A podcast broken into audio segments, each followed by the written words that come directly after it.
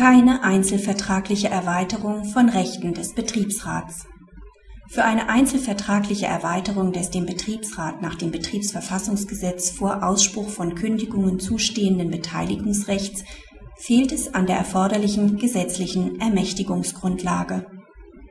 Der Arbeitnehmer ist bei der Arbeitgeberin bzw. deren Rechtsvorgängerin seit 1986 beschäftigt.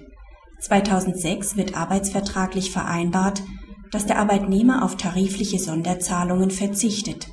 Im Gegenzug soll für jede Kündigung, die zu einem Ausscheiden im Jahr 2006 führt, die Zustimmung des Betriebsrats nach 102 Beta VG erforderlich sein.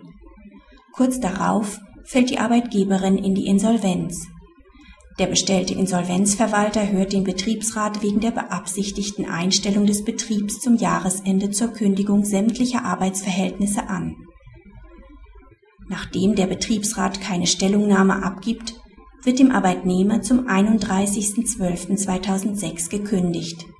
Dieser ist der Auffassung, dass der Insolvenzverwalter ihm mangels Zustimmung des Betriebsrats nicht hätte kündigen dürfen. Die Kündigungsschutzklage bleibt letztlich erfolglos. Das BAG erklärt das individualvertragliche Zustimmungserfordernis des Betriebsrats zur Kündigung für nichtig. Für eine solche Erweiterung wie auch Beschränkung von Betriebsratsrechten fehlt es an einer gesetzlichen Grundlage.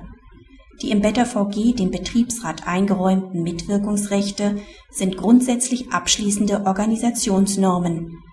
So eröffnet § 102 Absatz 6 Better VG nur den Betriebspartnern die Möglichkeit zur Festlegung eines Zustimmungserfordernisses in einer Betriebsvereinbarung.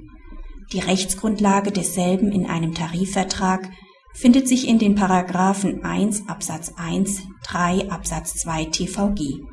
Hingegen sind Arbeitsvertragsparteien nicht befugt, das Verhältnis der Betriebspartner untereinander zu regeln.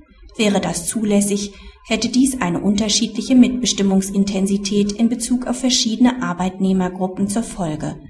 Das aber würde dem Grundsatz widersprechen, dass der Betriebsrat die Interessen der gesamten Belegschaft zu vertreten hat.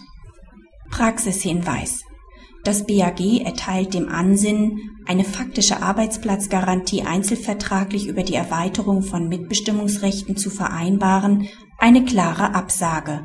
Solches lässt sich weiterhin nur durch den befristeten Ausschluss einer Kündigung erreichen